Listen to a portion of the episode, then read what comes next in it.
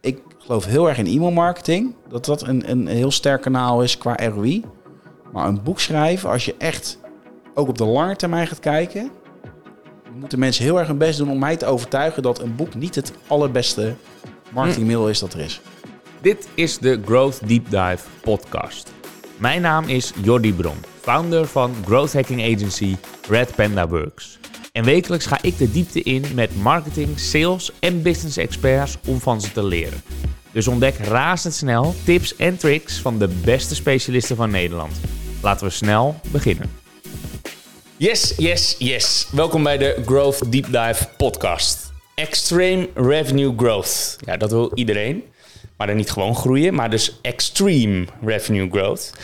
Dat is namelijk de titel van eh, het boek van mijn gast, Chris Oud. Hij is inmiddels internationaal bestselling auteur. We gaan het dan ook hebben over het schrijven van een boek.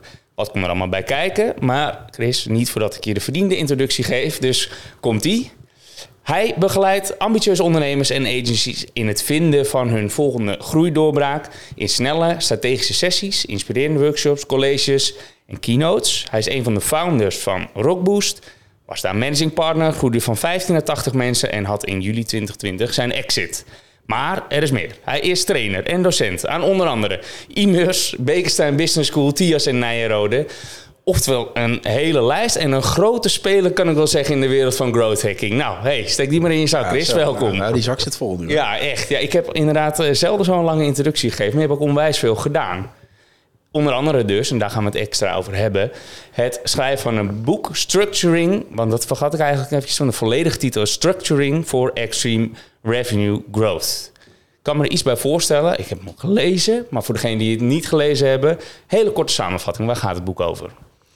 Ja, kijk, een, een korte samenvatting boek waar tien jaar uh, ervaring in groeien in zit, dat is natuurlijk uh, vrij lastig. Maar ja. wat ik eigenlijk altijd zeg is, wat ik bij heel veel bedrijven zie, is dat als zij heel hard willen groeien, dat ze een monster creëren. Een monster wat ze zelf niet meer aankunnen. Hm. En wat ik heel erg geloof, is dat als je extreem hard wil groeien, dan kan dat op een manier waarbij jij de volledige controle houdt.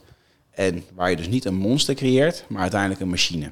Ja. En waar heel veel mensen mij voor inhuren, is een situatie waarbij zij dus niet meer zien van oké, hoe kunnen we nou nog harder groeien? Waarbij ze allemaal zeiden van ja, Chris, als we met jou gezeten hebben, dan hebben we weer structuur. Weten we wat we moeten doen. Mm. En eigenlijk de manier van denken die ik toepas in dat soort strategische sessies, maar ook in mijn jaarprogramma's, die heb ik eigenlijk allemaal in dat boek proberen te vatten. Ja, ja dat, dat is veel. Het zijn heel veel verschillende onderwerpen. Daar gaan we niet al te diep op in. Maar ik ben veel, um, ja, ik, ik, heb heel veel vragen op, maar die zijn dus vooral inhoudelijk. Maar het gaat in dit geval vooral over het proces van het schrijven van een boek. Dus in eerste instantie op het bedenken van het onderwerp. Nou, die tien jaar proberen samen te vatten. Het schrijven, maar ook de promotie. Maar laten we even bij het begin beginnen. Um, je hebt dit uh, in volgens mij een jaar tijd geschreven, klopt dat? Ja, de, ik had eind 2020 had ik mezelf als doel gesteld. In 2021 wil ik bestselling author zijn en wil ik mijn eigen boek hebben. Ja, en gelukt. Het uh, bestselling author was uh, 19 januari al gelukt. Okay. En uh, dit boek is uiteindelijk in oktober gelanceerd. En als je kijkt naar het daadwerkelijke schrijven, dus na het bedenken het schrijven, dat heb ik in een paar maanden gedaan. Ja. Ik heb alle uren die ik aan dit boek heb besteed, heb ik ook bijgehouden. En ik heb het in minder dan 300 uur gedaan. Van idee bedenken tot de laatste visuals naar de drukker. Ja, dus 300 uur ongeveer. Had je ook billable kunnen zijn? Zeg even 100 euro, doe ik voorzichtig. Oftewel 30.000 euro. Ja, kijk, als je de, naar de, de economics gaat kijken van dit boek. Uh, op dat moment was mijn uurtarief gelukkig al iets hoger. Ja. Um, en doordat ik dit boek heb geschreven, uh, zit ik nu tussen de 600 en 1250 euro per uur uh, dat ik mijn opdrachten doe. En als ik kijk naar de effectieve ROI in mijn jaarprogramma's, dan is het eigenlijk nog hoger. Ja. dus het is eigenlijk een ja, sommige mensen creëren een, een whitepaper of een blogpost. Uh, Ik heb dit geschreven als ja, het, de ultieme hefboom voor het 25-jarig plan dat ik heb. Ja. Ja, maar daar heb je het ook veel over uh, in een van je hoofdstukken. Hè, dat je een, een opstapje moet, uh, moet creëren, de ladder.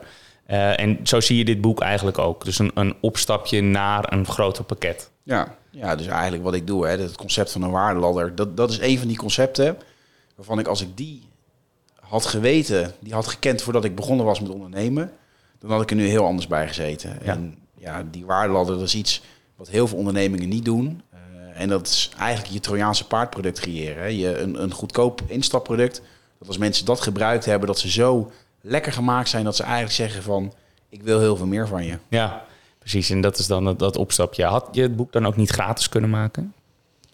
Uh, had gekund, uh, maar ik geloof altijd een hele mooie Engelse gezegde. Ik heb heel, heel veel van die mooie Engelse one-liners. Uh, maar deze is vooral when people pay, they pay attention. Ja. En ik was laatst ook was ik een boek aan het lezen en daar zag ik een zin en toen dacht ik van oké, dit, dit verandert compleet de wereld van hoe ik naar dit boek kijk. En daar gaf die persoon aan dat de beste buyers zijn mensen die boeken lezen. Hmm. En de grap is inderdaad, hè, als je kijkt naar de mensen die mij nu benaderen voor consultancywerk en om voor een langere periode samen te werken of voor investeringen, zijn allemaal mensen die mijn boek hebben gelezen. Dus ja. op Kindle zie ik gewoon dat de gemiddelde leestijd is 6 uur en 51 minuten. Dus ik heb al bijna 7 uur bij iemand ja. in zijn hoofd gezeten voordat ze überhaupt met me spreken. Ja. Precies, en dat zou je nog kunnen aanvullen. Wat je ook vaak ziet, heb jij nog niet voor gekozen, denk ik, om aan te vullen met een podcast, je eigen podcast. Ja. Toch? Ik heb niks gemist, toch? die, die, bestaat niet, toch? Die, die, bestaat nog niet. Ik, ik, heb al wel een, in een Evernote uh, de eerste 100 afleveringen uh, aan onderwerpen staan. Ja. Maar ik weet, een podcast, er zijn groeistrategieën. we hebben het heel veel over experimenteren. Een klein experimentje doen.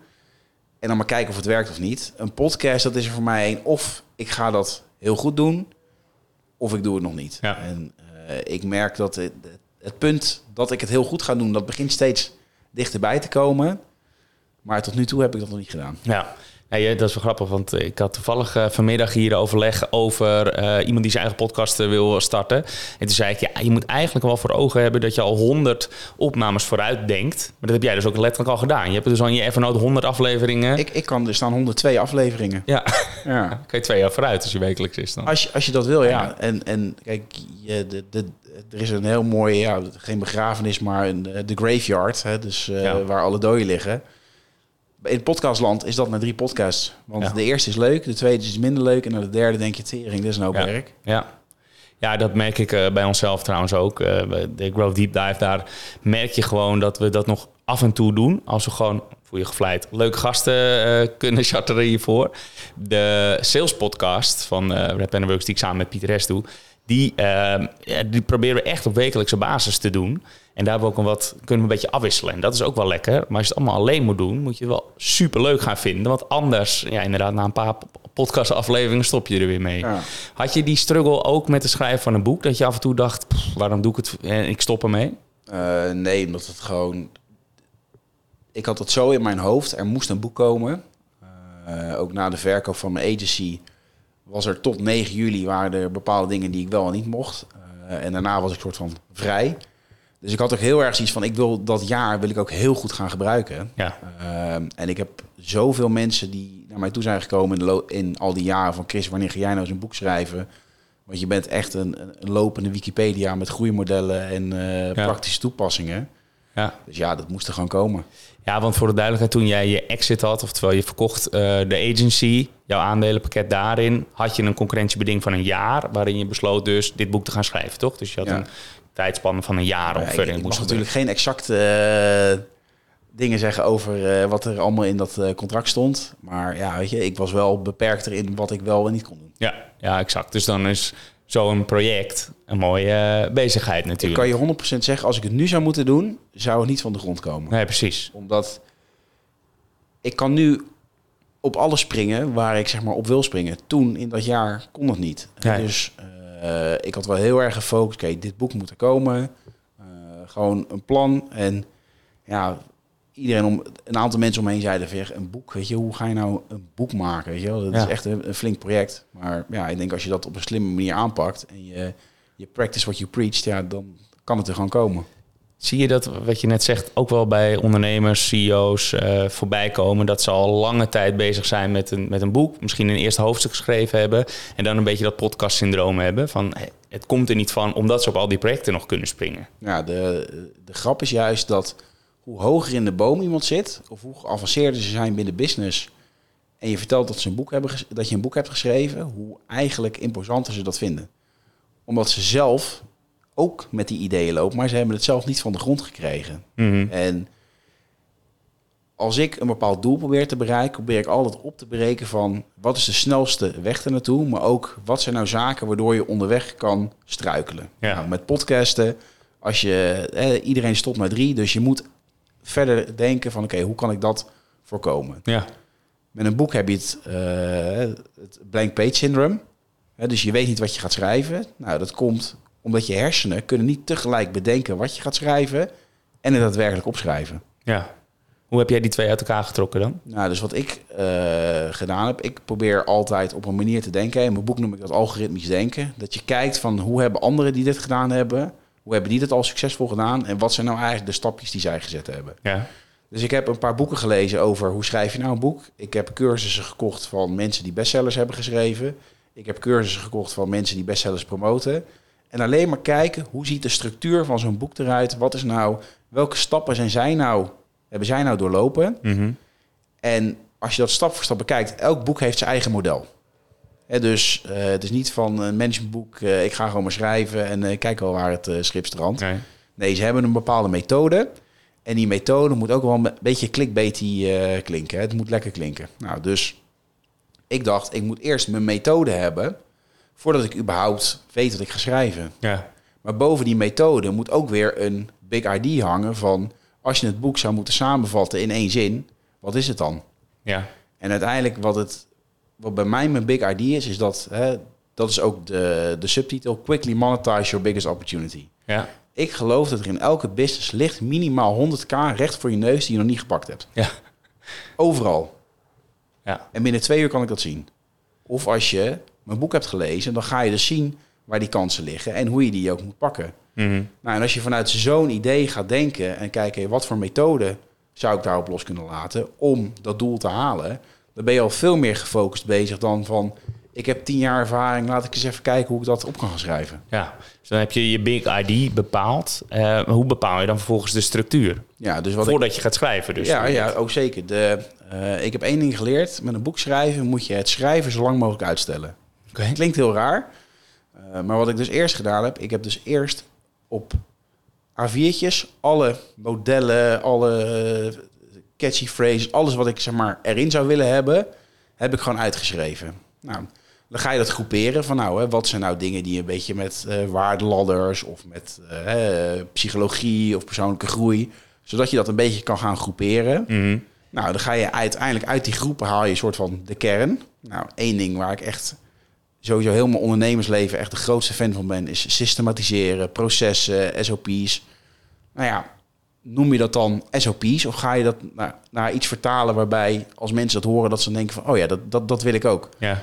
Nou, ik ben uiteindelijk bij die SOP's gekomen op work once and get paid forever. Ja. Want daar geloof ik heel erg in. En hoe kan je alles wat je doet in je business zo opzetten dat je alles wat je doet er ook op een andere manier nog rendement uitkomt. Nou, dat ga je dan voor een aantal dingen doen. En toen kwam ik uiteindelijk op de wallet methode uit. Hè? Want je wil natuurlijk, hè, als je quickly monetize your biggest opportunity, dan gaat het geld in je wallet. Ja. Nou ja, zo stap voor stap kom je een beetje bij die dingen. En dan ga je eens even kijken, oké, maar wat moet er dan in die methode zitten? Ja. Nou, hoe zet je dat op? Nou, wat je dus in heel veel boeken ziet, is je ziet verhalen uit de praktijk. Daar worden lessen uitgetrokken en dat wordt dan weer doorvertaald in action steps. Dus per ding in mijn wallet method moest ik kijken, oké, wat zijn de verhalen die ik wil vertellen? Wat, wat zijn nou, wat is de theorie die ik er eigenlijk uit wil halen? En welke actiestappen wil ik dat mensen daarna gaan maken? Mhm. Nou, en zo heb ik uiteindelijk post-its gemaakt. Daar heb ik weer een mindmap van gemaakt. Hè. Dus die mindmap heb ik ook niet zelf verzonnen. Ik heb gewoon gekeken, wat is nou de structuur van een goed boek? Nou, heel veel van die boeken zijn op dezelfde manier geschreven. Mhm. Nou, dan ga je niet zelf het wiel opnieuw uitvinden, dan volg je die structuur. Hè, bijvoorbeeld hè, hoofdstuk 1, ik connect met je pijn. Eh, hoofdstuk 2, je origin story. Hè, dus eh, je bent nu succesvol, maar je was ooit eh, was je Ja. niks. En eh, je hebt een hele reis afgelegd en nu ga je die lessen delen. Ja. Dan doe je je methode en daarna is het van nou, hè, hoe kunnen we nou verder samenwerken? Ja. En door die mindmap zo gedetailleerd uit te werken, kan je in tegenstelling tot wanneer je maar gewoon begint te schrijven, kan je veel sneller een structuur weer veranderen. Want als jij 20 A4'tjes hebt geschreven, ja, ga dan maar eens even weer eh, dingen omhoog en omlaag zetten. Versus het in een mindmap onder iets anders hangen. Ja.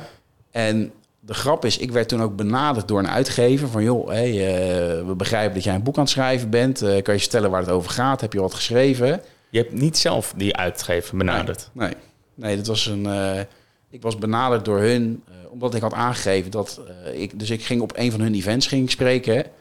En natuurlijk, heel per ongeluk had ik tussendoor laten vallen dat ik ook met een boek bezig was. Ja, natuurlijk okay. wetende van ja, weet je je, je moet er af en toe wel een beetje aas uitgooien. Hè? Dus ja, ja, niet zelf erachteraan. Maar, nee, oké, maar het is, het is inderdaad, het begon toch wel bij jou. Ja, wat kijk, subtiel. Kijk, deze. De, uh, wat je normaal moet doen is, hè, je, je pitcht en je stuurt een uh, manuscript met 200 pagina's met een heel plan erbij.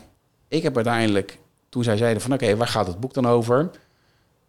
Die mindmap in een videootje van acht minuten doorgelopen. Hm.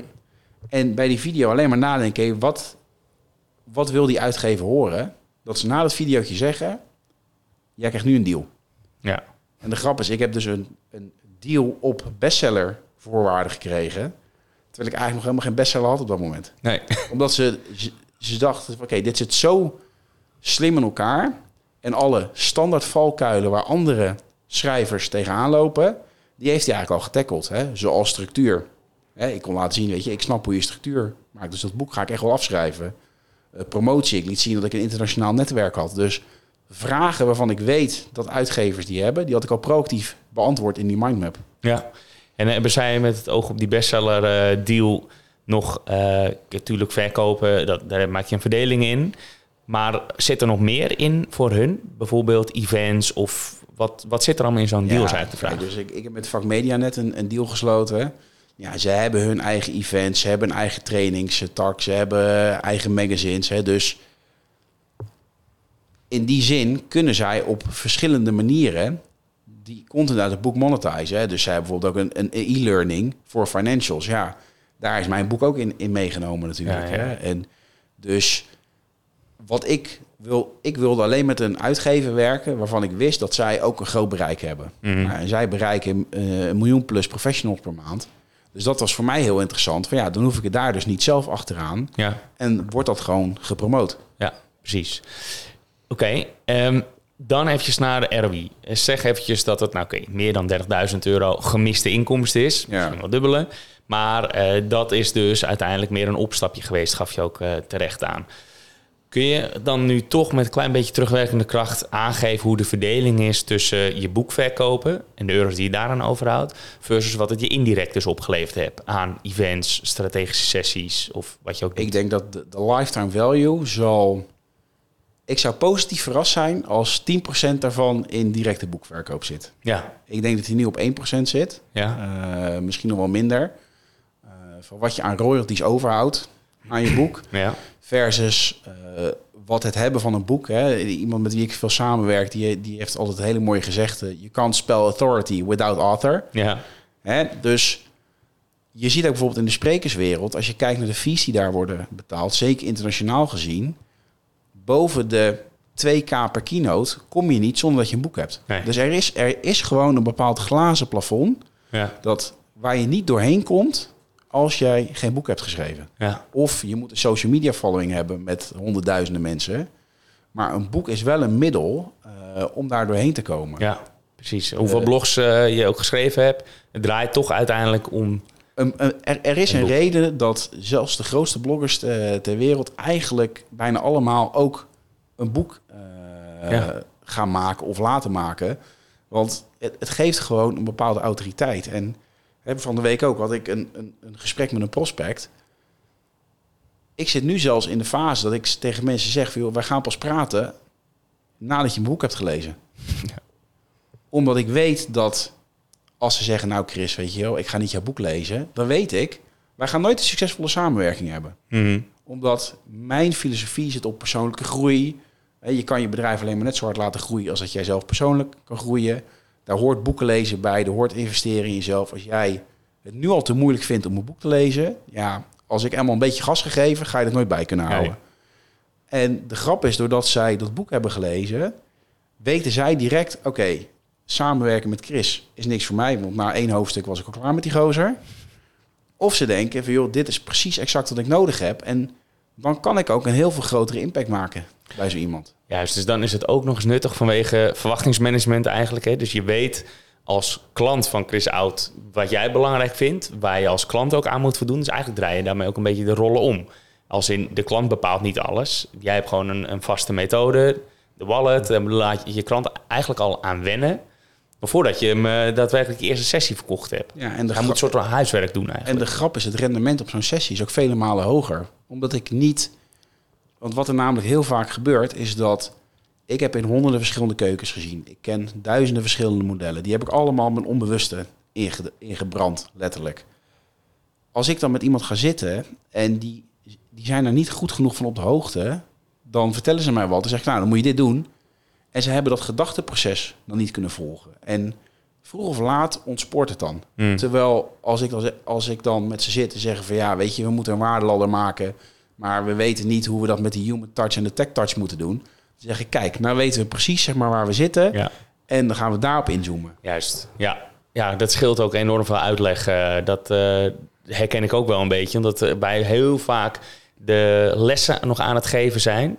die ze in jouw geval waarschijnlijk al uit je boeken hebben kunnen, kunnen meenemen. Nog voordat je de eerste sessie ook doet. Ja, en wat ik beloof is een extreme omzetgroei. Hè? Dus daar zit ook het woord extreem. Het, is, dit is niet voor iedereen. Dit is echt zeg maar, voor de, de top 10 ambitieuze ondernemers die echt hard willen gaan. eh, en het maximale eruit willen halen. Ja. En mensen die dat niet zijn, dat zijn niet mensen die minder zijn of hè, waar ik op neerkijk. Maar dat is gewoon, dat is niet het de type klant waar ik het meeste impact kan maken. Ja, nee, precies. Ja, cool. Ik wil even naar eh, het stukje promotie. Dus we hebben het bedenken, post-its, eh, pitchen, uitgeven, schrijven. Ja, Eh wil ik zo nog wat over doen. Maar vooral een stukje promotie. Ik zag dat je op managementboek staat. staat op bol.com. Dat zijn je voornaamste afzetkanalen, denk ik. Op je eigen website kan je hem bestellen. Ja. Zijn er nog andere kanalen? Ja, dus Amazon. Maar ik denk in, in alle eerlijkheid, de promotie, daar heb ik lang niet uit, uitgehaald wat er uit te halen viel. Want ik zat er in de context waarbij eh, mijn vrouw was eh, zwanger op de dag dat ik de boekdeal eh, zeg maar, tekende. Nou, zo'n boek schrijven kost, is gewoon wel een intensief proces. Ja. Ehm, en ik denk dat je kan een, een, een boek op twee manieren promoten. Hè? Dus wat ik heb gedaan, ik heb echt wel een paar slimme dingen geregeld. Maar ik heb eigenlijk gewoon gezegd tegen de markt, oké jongens, hier is die. Versus wat je een aantal Amerikanen ziet doen, hè, waar ik, wat ik eigenlijk had gewild, is zes tot twaalf maanden volledig een e-maillijst opbouwen, social following, hè, al een YouTube-kanaal, podcast. En als je hem dan lanceert, ja, boem, weet je, dan, eh, Mhm. dan knalt hij overal door de rankings. Ja. Ehm, dus bij dit boek, hè, ik heb wel natuurlijk mijn influencervrienden van over heel de wereld. Hè, daar heb ik allemaal quotes van gekregen. Die hebben het gelezen. Zeggen van, nou weet je, supergoed boek. Nou, dus dat is, dat is al super. Ja. En Managementboek heeft natuurlijk op haar eigen base veel, eh, veel bereik gecreëerd. Bol.com eigenlijk helemaal niet zo erg. Eh, ik heb natuurlijk via mijn eigen site wat dingen gedaan. Maar eigenlijk begint het spel nu pas. Mhm. En ik heb één hele grote fout gemaakt met dit boek. Is, ehm, ik heb het geschreven voor een bredere doelgroep. Ja. Wat dan, dan wat, zeg maar, dus ik dacht, ik schrijf het voor een bre- brede doelgroep. Mhm. Maar feitelijk, met de feedback die nu uit de markt komt, is het helemaal niet zo. Nee, want wie zijn je lezers nu dan? Eh, iedereen die vier jaar of meer ervaring in groei heeft, of marketing of ondernemen, en die echt zeg maar hard willen gaan, Mhm. of al best wel wat theoretische kennis van die groeimodellen hebben. Die lezen het, die zeggen: Chris, dit is een feest van herkenning. Dit is het, het, het meest praktische boek dat ik ooit gelezen heb. Oftewel niet voor de beginner. Terwijl ik wilde juist growth hacking eh, toegankelijk maken. Ja. Er zijn maar een paar principes waar je op moet focussen. En als je daarop focust, weet je, dan gaat het allemaal heel makkelijk. Dat is heel makkelijk niet, maar dan, dan weet je waar je op moet focussen. Maar die hebben niet de, de praktische fundering of het theoretisch kader waaruit ze dan inderdaad kunnen denken: oh ja, nou weet je, dat, dat is dan zo. Mhm. Terwijl, hey, ik heb een quote van, van Jacques Pijl. En heel veel mensen kennen Jacques Pijl niet. Maar die heeft de Oscar gewonnen voor het beste managementboek ter wereld. Oké. Ik En- ken hem ook niet. En, en hè, dus, dus met, zijn, eh, met zijn boek Strategy Equals Execution... binnen de internationale consultancywereld, binnen corporates... binnen digitale transformatie... hij heeft de hoogste prijs gewonnen die er is. Die gozer kende mij niet. Ik heb hem dat boek gestuurd... en hij heeft mij die quote... Die, die heeft letterlijk het boek gelezen. Dus toen had er al, al, al een belletje bij me moeten rinkelen van... oké, weet je, als zo iemand zijn naam eraan durft te verbinden... Mhm. Ja, dan is het geen, zeg maar, simpel managementboek van... nou, eh, stap 1 is dit en stap 2 is dat. Ja, juist. Dus mijn hele strategie qua promotie, die ga ik nu volledig omgooien. Omdat de groep op wie ik dacht te promoten, is feitelijk niet de groep met wie dit boek resoneert. Nee. Dus je gaat eigenlijk ook hoger in de boom, kan je het zo zeggen? Dus echt meer naar de senioriteit? Ja, ja dus de, ik ga dit nu ook zeggen. Dit, dit- als je een beginner bent, moet je dit boek niet eens lezen. Nee, precies. Ja. Als jij een meer senior commerciële functie krijgt, of jouw bedrijf zit al op 1 miljoen plus en je, je, je begint vast te zitten omdat je je eerste 10 man hebt en je begint tegen die groeipijn aan te lopen. Ja, als je het dan gaat lezen, dan ga je ineens dingen zien die je twee jaar geleden nog niet zag. Nee. Is je promotie nu gestopt? Nou, je zit hier dan. We hebben het over je boek. Ja. Maar ben je nog heel actief bezig met promotie? Nou, ik ben wel. Ik ben de positionering en al die dingen nu om aan het gooien. Dus wat ik nu wel ga maken zijn funnels. Hè, wat ik bijvoorbeeld ook getest heb, is boeken weggeven. Mhm. Dus je kan mijn boek nu voor 30 of 32 euro kun je dat kopen. Maar ik heb ook een tijd ge- getest van nou, hè, binnen een bepaalde groep, als ik het boek weggeef, Ja. wat gebeurt er dan? En, wat gebeurde er? Niks. Niks? Nee, want, Geen effect. nee, want eh, althans, de, nou, ik, ik moet het zo zeggen. Ik denk dat de tijd, dat is ook iets waar ik mezelf flink in verslikt heb. Is als ik een boek koop, heb ik hem twee dagen later gelezen. Ja. Maar dat zijn heel weinig mensen die dat doen. Ja. Er zijn heel veel mensen die een boek kopen, een half jaar, een jaar of twee jaar op de plank laten liggen en het dan eens gaan lezen. Ja. Dus de echte ROI calculeren van, van dat soort eh, technieken, ja, dat zal wel komen. Maar Ja. ik weet, de, mijn beste klanten, dat zijn mensen die, dat zijn boekenverslinders. Ja, juist. En, eh, dus je zal ook nog wel wat nasleep eh, hebben. Ja, je kan wel wat verwachten. Ja, de, de- ik denk dat dat voor een gedeelte wel komt. En hè, wat ik natuurlijk ook doe, onderdeel van mijn promotie, is zorgen dat mensen op het online platform komen.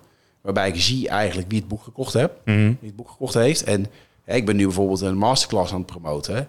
Ja, een van de dingen die ik doe is gewoon dat eh, programma openen en kijken wie heeft er ooit een account aangemaakt Ja. voor dat boek. En dan gaat het helemaal niet om van joh, welke worksheets hebben ze gezien, maar het is gewoon, ik kan gewoon op LinkedIn die persoon opzoeken. Ik zeg, hey, wat leuk dat je mijn boek gelezen hebt. Eh, hoe gaat het ermee? Ja. En dan krijg ik letterlijk dingen terug van ja, Chris, hij ligt hier op, eh, op mijn bureau. Ik heb allemaal post-its erin zitten. En Ja. ja, weet je, als we een strategische sessie hebben, dan hebben we altijd over dit soort dingen. ja, dat is cool. Dat is cool om te lezen. Dat vertellen mensen je niet uit zichzelf. Nee. Het is gewoon, daar kom je dan gaandeweg achter. Ja, dat is moeilijk te meten natuurlijk. Dat is een beetje de dark, eh, dark, dark funnel. Je hebt dat geprobeerd op te lossen, inderdaad, door wat je bedoelt, is de digital workbook. Ja. Dus included staat ook op, eh, op de koffer. Ja. Ehm, en je verwijst daar geregeld in. En wat je daarmee doet natuurlijk, is proberen eh, te identificeren wie heeft hem nou daadwerkelijk gelezen. Dat zit Ja. erachter, toch? In je lijst bouwen voor dit soort promotiedoelen. ja, ik wil van een onbekende lezer, wil ik een bekende lezer bij mij creëren. Want uiteindelijk, als er weer een boek komt, ja, weet je, wat, wat zijn de beste kopers? Dat zijn mensen die al eerder een boek van je hebben gelezen. ja. Beste klanten voor nieuwe proposities zijn mensen die of al eerder klant zijn geweest bij je, of die een, eh, ja, ook je boek hebben gelezen. Ja. Heb je een beetje een gevoel bij, ook moeilijk te meten misschien, maar hoeveel van de lezers, of in ieder geval gekochte boeken, ook daadwerkelijk eh, dat formulier ingevuld hebben? Zodat je naam en rugnummer hebt? Ehm, ik denk dat het onderbuikgevoel, zou ik zeggen, plus minus 10, 15 procent.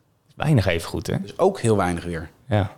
ja. Is, is dat nog op te krikken? Want ik heb natuurlijk ook gelezen en Oh ja, ik denk dat de, de site waarop je je in kan schrijven is, is nog ver Ja, van, oké, eh, daar- eh, daar- van, van daar is- optimaliseerd. Precies, daar zit hem wel een optimalisatieslag als ik eerlijk Ja. ben. Maar in je boek zelf verwijs je subtiel, ook Ja. een paar keer echt hard met een duidelijke call to action, bijvoorbeeld Ja. ook op de, op de koffer. Ehm, dus ja, volgens mij zit hem daar niet in. Je kan dat niet echt optimaliseren, denk ik. Op de website misschien wel. Ehm, zijn er nog andere manieren? M- meer benoemen in de podcast? Ja, Bij deze? Dus, hè, dus als je het boek koopt, dan zal je, eh, dan, dan zal je de link zien. Hè? Dus dat, eh, Ja. niet alles tegelijk weggeven. Maar ja, als ik ook kijk naar wat ik op LinkedIn over mijn boek heb ge- gedeeld. Ja, dat is eigenlijk, ik, ik heb voor mijn gevoel nog maar 1 of 2 procent van de echte machine aangezet. Ja. En dat komt ook omdat ik heb hem live gezet. En ik wilde ook een bepaald gevoel krijgen van hoe landt dit nou en waar resoneert het nou? Mhm. En ik merk dat nu dat ik dat beter begrijp, mijn eigen positionering daar ook nu beter op aansluit. Hè? Dus ik ben veel minder met spreken. Ik, ik focus nu volledig op werken met ondernemers. Ik ga de komende tijd ook veel meer focussen op equity voor consulting deals. Hè? Dus dat wil zeggen van je gaat me geen uurtje factuurtje meer betalen. Zelfs niet voor een jaarprogramma, maar als wij gaan werken, dan wil ik gewoon 10, 20 procent van je aandelen hebben. Ja. Hè? Maar dat zijn, dan, dat zijn dan contexten waarbij je weet dat als ze samen aan de slag gaan, het die andere partij miljoenen op kan leveren. Ja, precies. Ja. En dat is heel belangrijk dat aan de voorkant je daar met elkaar het over eens bent. Van joh, als we dit gaan doen, heeft het deze mogelijke impact? Ja, dan zou ik natuurlijk gek zijn als ik daar, zelfs al zit je voor 12,50 per uur, Mhm. dan is dat, ja, dan ben je nog niet slim bezig als ondernemer, denk ik dan. Nee, nee precies. Oké. Ja, eh nou, daar kunnen we ook wel een aparte podcast over eh, equity, vind ik namelijk ook heel interessant. Ehm, ik wil nog heel eventjes naar, eh, we hebben het inderdaad gehad over, over die ROI, maar als je nu terugkijkt en de, de finance erop loslaat, het schrijven zelf, heeft, nee, het hele proces heeft je 300 uur gekost, Ja. ongeveer, zeg je. Wat zijn nou Waar ik eigenlijk naartoe wil is, wanneer moet je het nou doen? In welke vaak? Kijk, je hebt je bedrijf verkocht. En dat was voor jou een mooie gelegenheid. Je spreekt ook veel ondernemers waar het, waar het er niet van komt. Ja. Wanneer moet je dat nou wel doen? Moet je inderdaad je bedrijf verkocht hebben? Of levert het zoveel op dat je zegt, je moet daar echt gewoon tijd voor blokken? De, de grap is dat ehm, dit is een, een boek van 220, 230 bladzijden. Als jij een boek van 50 pagina's hebt geschreven, dan heb je ook een boek geschreven. Ja, En wat ik in dit boek heb gedaan, is ik heb echt letterlijk wat er in mijn hoofd gebeurt, heb ik op papier proberen te zetten. Mhm. Terwijl als jij een boekje maakt van 50 tot 70 bladzijden met verhalen, met een beetje teasend schrijven, dan kan je een boek maken wat je echt binnen een paar weken geschreven hebt. Wat een soort van een beetje lekkermakend is. Mhm. Als jouw doel is om daar leads uit zeg maar, te, te genereren. Dus het hangt heel erg af wat voor type boek je wilt schrijven. Maar ik heb best wel partijen met wie ik samenwerk. En heel vaak zeg ik van nou, eh, als jij een methode hebt waarmee jij heel veel impact kan maken. Ja, du moment dat jij dat in een boek hebt gevangen. Dan kom je ook alweer heel anders binnen bij, eh, bij partijen. ja. Want hè, dat, dat Facebook ads, blogposts, video's. Du moment dat die browser dicht gaat, is het weg. Mhm. Dit boek ligt letterlijk op iemands bureau voor zijn neus. ja. Ligt in de kast als mensen gaan verhuizen. Weet je, dus als je kijkt hoeveel CPM's je daar tegenaan moet gooien. Ja. eh, om datzelfde effect te krijgen. ja. Plus autoriteit dan, als je het heel plat gaat slaan. Ik geloof heel erg in e-mail marketing. Dat dat een, een heel sterk kanaal is qua ROI. Maar een boek schrijven, als je echt ook op de lange termijn gaat kijken... moeten mensen heel erg hun best doen om mij te overtuigen... dat een boek niet het allerbeste marketingmiddel is dat er is. Kijk, die gebruiken we even in de snippets eh voor LinkedIn, Ja. want dit is een mooie. Hey, en eh, nou heb ik hier ook eh Aartjan eh, van Erkel eh, gehad. Ehm goeroe als het gaat om eh, het schrijven van een, eh, een, een, een hit, een Ja. managementboek eh, hit. Ehm, nou ga- gaf hij ook aan, nooit alles weggeven Ja. in je eerste boek. Want je kan nog een deel 2 en je moet nog eh, op events eh, spreken. Heb je alles weggegeven in je boek? Ik heb, wel veel, ik heb wel te veel weggegeven, ja. Want eh, als je het nu over kon doen, had je... Als ik het nu overdoen, had ik een veel korter boek geschreven. Eh, had ik echt maar een paar concepten gedaan. En die iets ehm, meer verhalend eh, geschreven. Maar ja, aan de andere kant, dat was gewoon niet de context waarin ik, nu, waarin ik toen zat. Ik heb, Ja. ik heb toen, ik, ik kan mezelf echt in de spiegel aankijken met wat ik toen wist. Met wat ik toen dacht dat het allerbeste was, heb ik het beste eruit proberen te halen. Ja, En wat ik altijd ook riep toen ik mijn groeiagency had, is als wij ons niet schamen voor wat we drie maanden geleden deden, zijn we niet hard genoeg aan het groeien. Mooi, dat hou ik ook. Maar betekent dat eigenlijk ook dat er een deel 2 gaat komen, als ik je zo hoor, of niet? Ehm, ik weet niet of er een deel 2 van dit boek gaat komen. Ehm, omdat, nou ja, laat ik het zo zeggen, op hele korte termijn gaat er geen deel 2 komen. Mhm. Eh, omdat ik weet dat de volgende stap zit, voor mij eerst in bereik opbouwen. Ja. Eh, dus ik moet eerst, hè, ik heb op LinkedIn best wel wat volgers, maar op andere platformen valt het eigenlijk nog best wel mee. Ehm, en ik weet dat als ik nu de tijd neem om dat goed op te bouwen, dan is weer de fundering voor het volgende boek is weer veel sterker. En een boek is een marketingmiddel en het zou natuurlijk heel raar zijn als ik bij heel veel bedrijven binnenkom en tegen hun zeg van joh, jullie hebben al die mooie marketingmiddelen staan en je hebt er echt maar 10% uitgehaald. Waarom ben je dan nu iets nieuws aan het maken? Dan als ik dus nu al gelijk weer een nieuw boek zou maken, Ja. zou ik eigenlijk mezelf tegenspreken. Dus Ja. ik geloof heilig dat zeker de komende twee jaar Hè, want ik heb het boek ook zo evergreen mogelijk proberen te schrijven. Dat Ja. er tijdloze principes in zitten. Mhm. Ik weet, de komende twee, drie jaar zijn er nog zoveel dingen die hierin zitten. Die heel impactvol kunnen zijn bij bedrijven. Dat er, er zullen heel weinig mensen zijn, denk ik, die over drie jaar tegen me zeggen: Nou, Chris, dit is wel, eh, dit is wel verouderd. Omdat juist de insteek waarmee ik het geschreven heb, is om het juist evergreen te hebben. Mhm. Ja, precies. Dit zal als het goed is niet eh, verouderen. Je, je hebt heel veel tips eh, gegeven. We moeten een beetje gaan afronden. Maar mijn laatste vraag is altijd... als je nou één tip moet geven aan een marketeer... over dit onderwerp, namelijk het boek schrijven... wat zou dat dan zijn?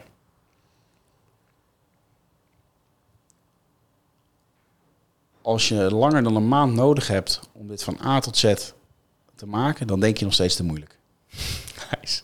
Het moet allemaal binnen één maand passen. Binnen een maand moet je het gedaan. zo, Je eerste moet binnen een maand live.